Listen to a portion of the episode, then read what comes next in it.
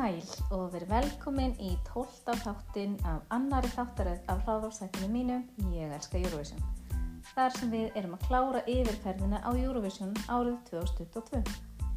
Ég heiti Rósa eins og svo oft hefur komið fram hérna og ég elska Eurovision.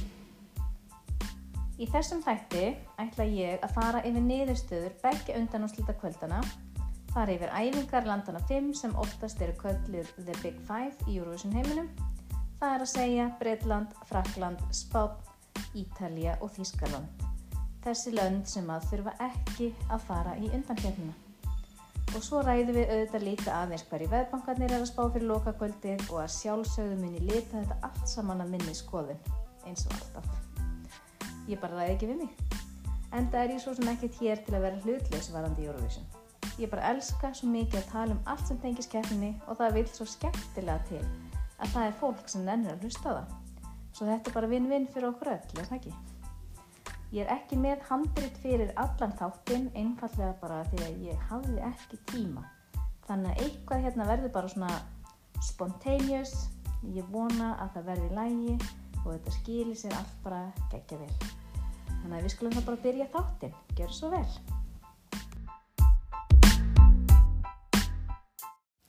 Við skulum byrja á fyrri undankefni þar sem Ísland, Sviss og Litáin komu flestum á óvart með því að komast áfram.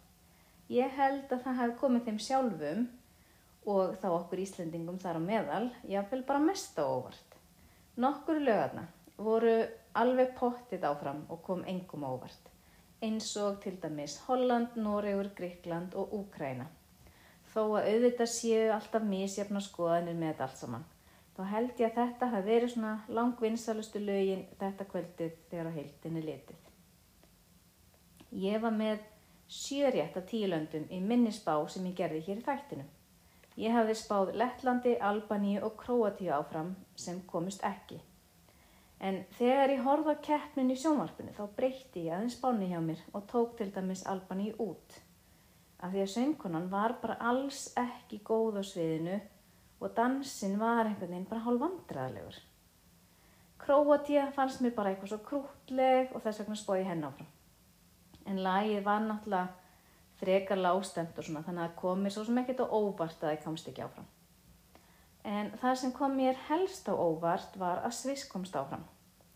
Mér fannst það bara ofrólegt, ég bara fílaði það alls ekki og ger ekki enn. Um, og það komi líka rosalega óvart að Ísland komst áfram en alveg virkilega skemmtilega óvart og ég er svo ána með það. Auðvitað vill maður alltaf sjá Ísland áfram, alveg sem maður hvort að lagi sér upp á slægimanns ekki, það er bara algjört aukaðrið. Það gerir bara keppnina svo mikið skemmtilegur að vera með. Þjóðarstólti sjáu til. Ég var frekar svegt að Lettland skildi ekki komast áfram. Mér varst það svo skemmtilegt, svo mikið stuð og fjör og að ég veit ekki. En svona heilt yfir er ég samt bara mjög ána með úslit fyrir undankefnar. Þau lög sem ég fann standa upp úr eftir kvöldið voru Noregur, Holland og Greikland. Grík, gríska stelpan var rosalega flott á sviðinu, eða hún er enda norsk en hún er að syngja fyrir Greikland þannig. Og það er á eftir uh, Portugal. Mér fannst það líka að koma ótrúlega vel út á sviðinu.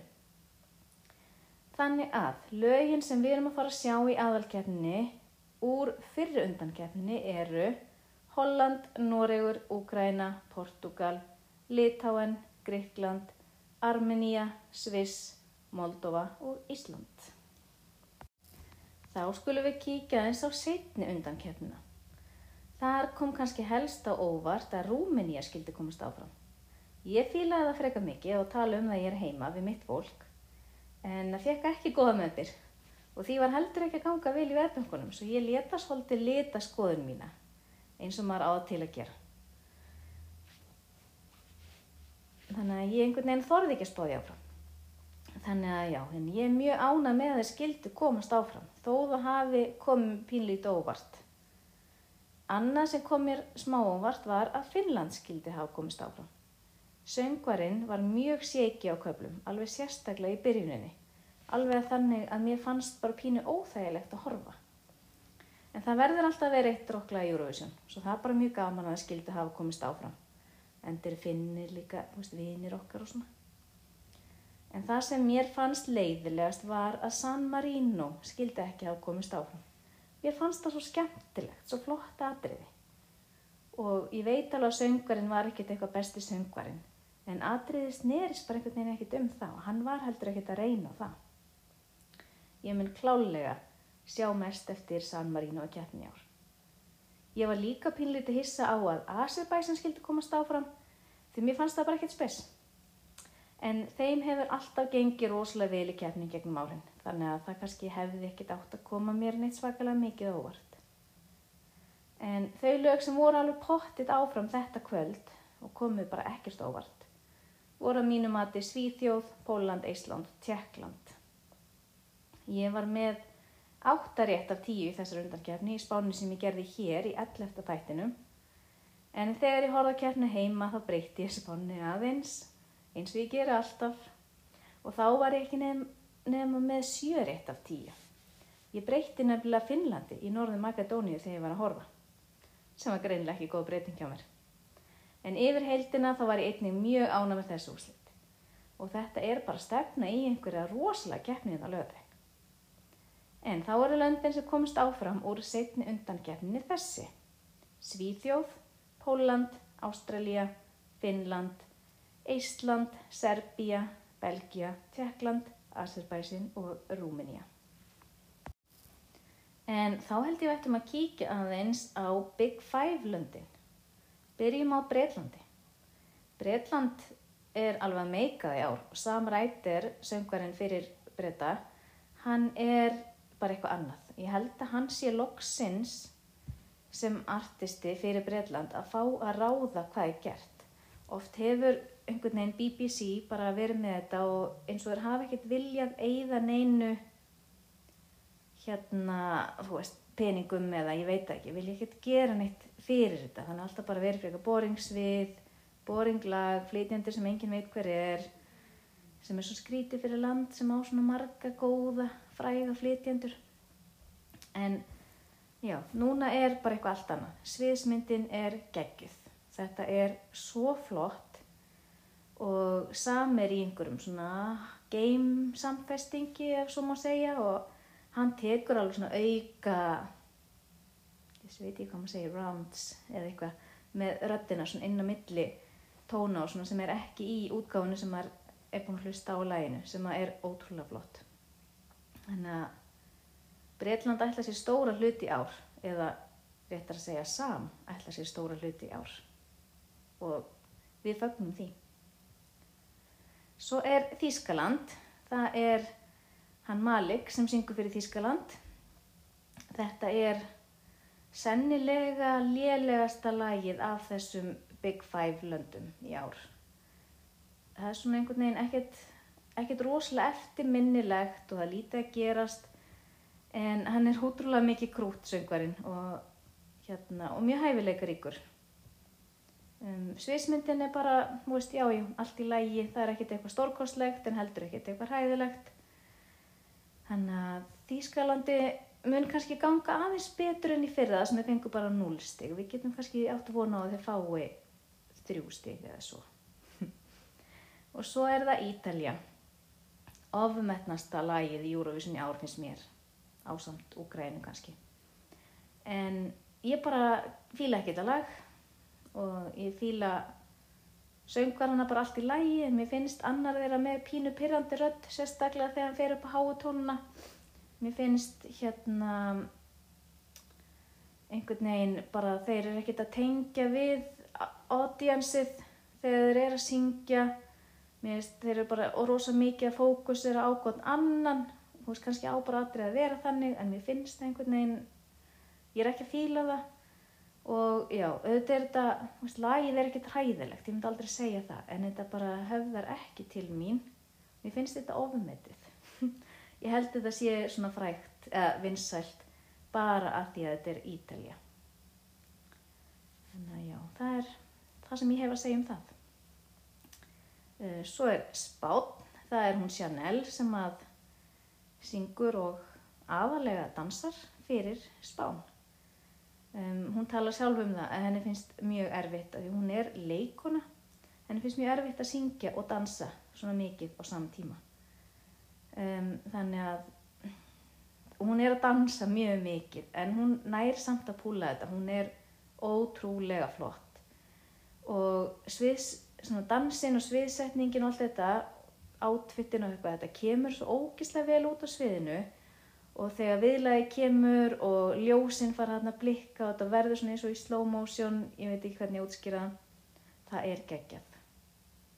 Lagið að hlusta á það kannski útarpinu væri ekkert eitthvað vá, þetta lag geti unni í Eurovision en að sjá það á sviðinu og ljósinn, allt þetta það getur alveg, það verður ofalega, ég er alveg nokkuð vissna. Og svo er það Frakland. Um, Já, frakkar, veistu þið, búin að bæta sig í sviðsetningunni á læginu síðan þeir unnu í kemnin heima. Þetta er frekar erfitt lag, myndi ég segja, að gera live. En að hlusta á það er geggjað. Mér finnst þetta frábært lag og ógeðslega gaman að sjá frakka þóra að gera eitthvað svona öðri sem fara eins út úr bóksi. Þeir eru svolítið svona fastir í einhverju smáverður rosa sophisticated. Þið viti hvernig frakkar eru óslega staðalýmynd en þeir, veist, þeir eru búin að vera svolítið þannig í Eurovision þannig að það er mjög gaman að sjá það að gera eitthvað öðru í sig lægið er mjög gott og já ég held að þú veist, jú ég hef náttúrulega bara séð mínútu úr því live en mér fannst það vera búið að mikil bæting þannig ég er mjög spennt að sjá það allar þrjár mínútunar á sviðinu og laugadaginn og ég bara vona að þeim muni ganga ótrúlega vel með þetta laga því þetta er bara virkilega flott lag. Ég held ég látið það, þetta duga um uh, löndin 5 sem að þurfa ekki að fara í undan kefni og það er mjög gaman að fjögur af þeim 5 séu svona virkilega sterk atriði sem að hefðu alltaf komist áfram í undan kefni hvort sem er þannig að þau eiga virkilega skilið að koma þarna bara inn í aðal kefnina. Virkilega gaman. En við skulum kíkja aðeins á uh, í hvaða lönd, lög löndin keppa á lögadaginn. Eh, Tjekkland ríða á vaðið. Þeir eru fyrstir á sviðið. Eh, mér finnst þetta ekki vera lag sem ætti að vera fyrst á sviði. Ég er pínu vonsvíkin að þeir hafi þurft að vera fyrstir. Ég hef freka vilja að sjá Portugal eða Sviss, eitthvað svoleiðis fyrst á sviði, eitthvað svona aðeins lágstendar og svona. En þetta er náttúrulega bara dreyið þannig að það er engin að spyrja um það hvernig lag þetta er sem að byrjar. En Tjekkland byrjar allavega og Eistland lokar. Ég held að það reyndar geti komið bara nokkuð vel út af því að þeir eru líka með þarna í lokinu og læginu eins og þegar bíómyndir enda kemur svona svartur skjár þannig að það er ótrúlega flott þess að enda kemna. en eins og þið sennilega vitið þá eru 25 lönd, 10 úr hver undankefni og svo the big five og Ísland er átjándu á sviðið. Þannig að Við erum þarna svolítið undir lokin og á undan okkur er Gríkland sem er náttúrulega ótrúlega stert lag í keppni og spá virkilega góði gengi. Virkilega svona sterk rödd og flott sviðismynd og svona. Þannig að kannski fyrir þá sem að fíla ekki svona rosalegar ballöður og mikinn háansöng og svona þá kannski verða það bara feignir að fá Ísland á skjáinn og svo beint á eftir Íslandi er Moldova. Þannig að það er líka lag sem er kannski ekki allra því það er náttúrulega svona harmoníku, gamli kallar eitthvað, veist, flipa þannig að kannski, kannski er þetta góð staðsynning fyrir okkur íslendinga. Það verður allavega allavega lúkar bara nokkuð vel held ég. Þegar ég ætla nú ekki að fara að þylja upp alla röðina á hvaða lönd eru hvar en ég kannski nefni svona þau sem eru svona sigur stránglegust til dæmis eru nýjendu, tíendu, elleftu og tóltu alveg hérna fjögur lönd í röð sem er spáð virkilega góði gengi. Ítalja, Spán, Holland, Úgræna öll hann fjögur í röð.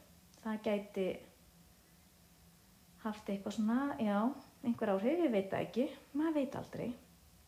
Um, og svo eru tveir sterkustu kallkinn söngvararnir í keppninni í ár eða jafnvel þrýr í röð. Ástralja, Breitland og Póland, þeir eru nú með 21, 22 og 23 á sviðið. Það er líka eitthvað sem að, já, gæti gert hinnum eitthvað svona erfiðara fyrir.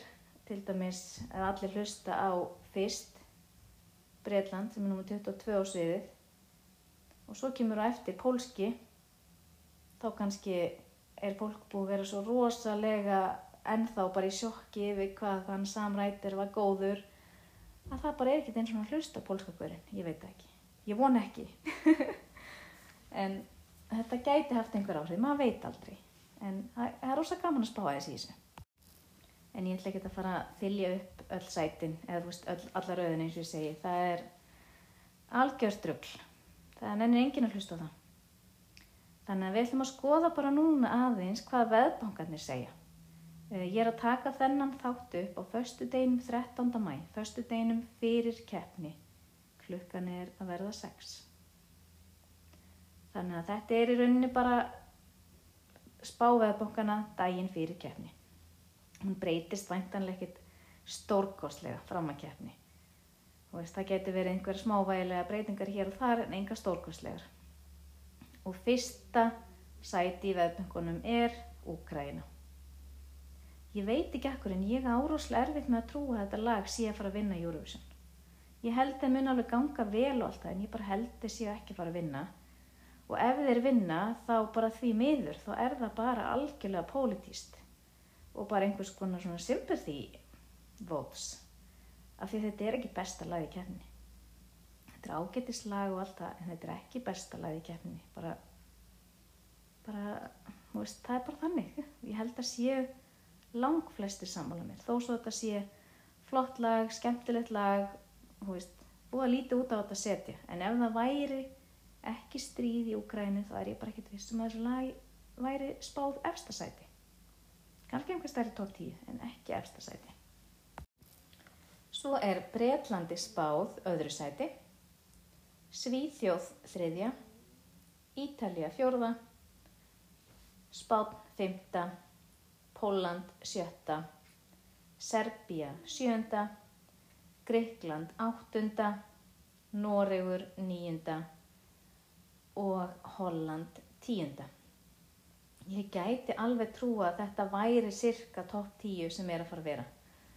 Þetta eru svona langvinsalustu lögin, ég er ósað sammálausu, þetta er Ég myndi reynda kannski vilja hafa Tjekkland þarna í topp 10 einhver staðar. Ég myndi vilja sjá Noreg aðeins ofar, Ítalju neðar og Svíþjóð aðeins neðar líka. Mér finnst sænska lagið alveg fínt lag en ekki þriðja sæti. Kannski áttunda sæti. Skiptum því út fyrir Póland. Setjum Póland í þriðja sæti. Eða ekki samála. en það er allavega svona mín skoðun en Þetta eru þessi lög sem eru hvað sterkust í keppninni í ár. Það bara er þannig. Það er enginn, þó svo ég sé ekki nefnilega sammóla eins og með Ítali og Svíðþjóð og jafnvel Úkrænu að þá eru þetta samt þessi lönd sem er að fá mestu aðdeglina og eru bara með sterkustu lögin. Það er bara svolítið þannig og þannig að já. Þetta er topp 10 veðbankana. Ég er virkilega spennt að sjá hvað gerist annað kvöld. Jésús, ég bara trú ekki að sé að koma að þessu. Þetta er svo spennandi. En á ég ekki að segja ykkur mitt topp 5. Ég held ég sé komin með röðina sem ég vil hafa topp 5.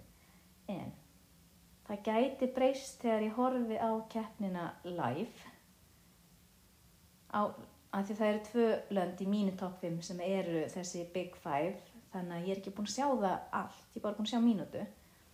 Þannig að þetta gæti alveg breyst eitthvað. En eins og staðan er núna þá langar mig að setja Breitland í fyrsta sæti. Ég bara er að elska þetta lag og ég er að elska Sam Ryder svo mikið. Hann er bara svo mikil snillingur. Og mér er svo gaman að sjá alla ástriðina sem hann er að setja í þetta atriði og í söngin og í lagið, hann alltaf samt þetta lag sjálfur þannig að ég breytar eiga bara skilið eftir búin að ganga ræðilega í keppni og þetta verður kannski til þess líka að núna fara þær aftur að vilja standa sér vel í Eurovision.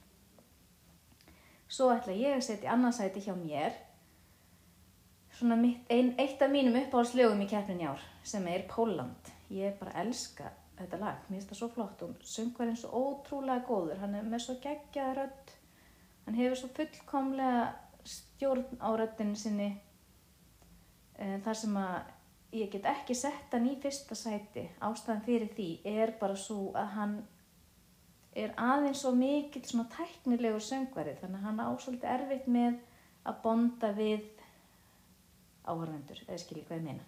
Hann er svo svolítið alvarlegur. Annars hefði ég sett hann í fyrsta sæti, en út af því ætla ég að setja hann í annarsæti. Þannig að fyrsta sæti Breitland, annarsæti Póland. Í þriðja sæti væri ég svo til í að sjá Noreg. Ég elska þetta lag og ég elska dansin og ég elska bara að vera ekki að taka sjálfan sig of alvarlega, bara vera að leika sér og flippa smá og þið munir náttúrulega eftir norska atriðin í fyrra með honum Tix og hann er vist gaurinn í gamebúningnum sem er með þeim. Þannig að það er mjög líklegt að Tix hafi samið þetta lag. Þannig að þetta er bara, já, Tix er náttúrulega snillingur þannig að þetta er bara mjög skemmtilegt. Í fjórðan sæti væri ég svo til í að sjá Tjekkland tekniska lagið er bara ótrúlega gott og ég var búin að vera að hafa smá áhyggjur að því hvernig söngunan yrði live að því að ég var búin að heyra hann að syngja þetta svolítið falskt en þetta var bara geggja live ég, bara, ég var næst í orðlös og ég var svo ánægt hvað þetta var gott. Þannig að mér langar til að sjá Tjekkland í top 5 í fymta sæti er ég svo með Spán. Af því að mér finnst spænska lagið bara virkilega flott. Þetta er svo mikið performance svo gaman að hafa eitthvað svona latínó lag ég bara, já. I love it þannig að þetta er mín top 5 spá eða ósk, segjum top 5 ósk því að þetta er náttúrulega ekki nálagt spáni í veitungunum en þetta er mín ósk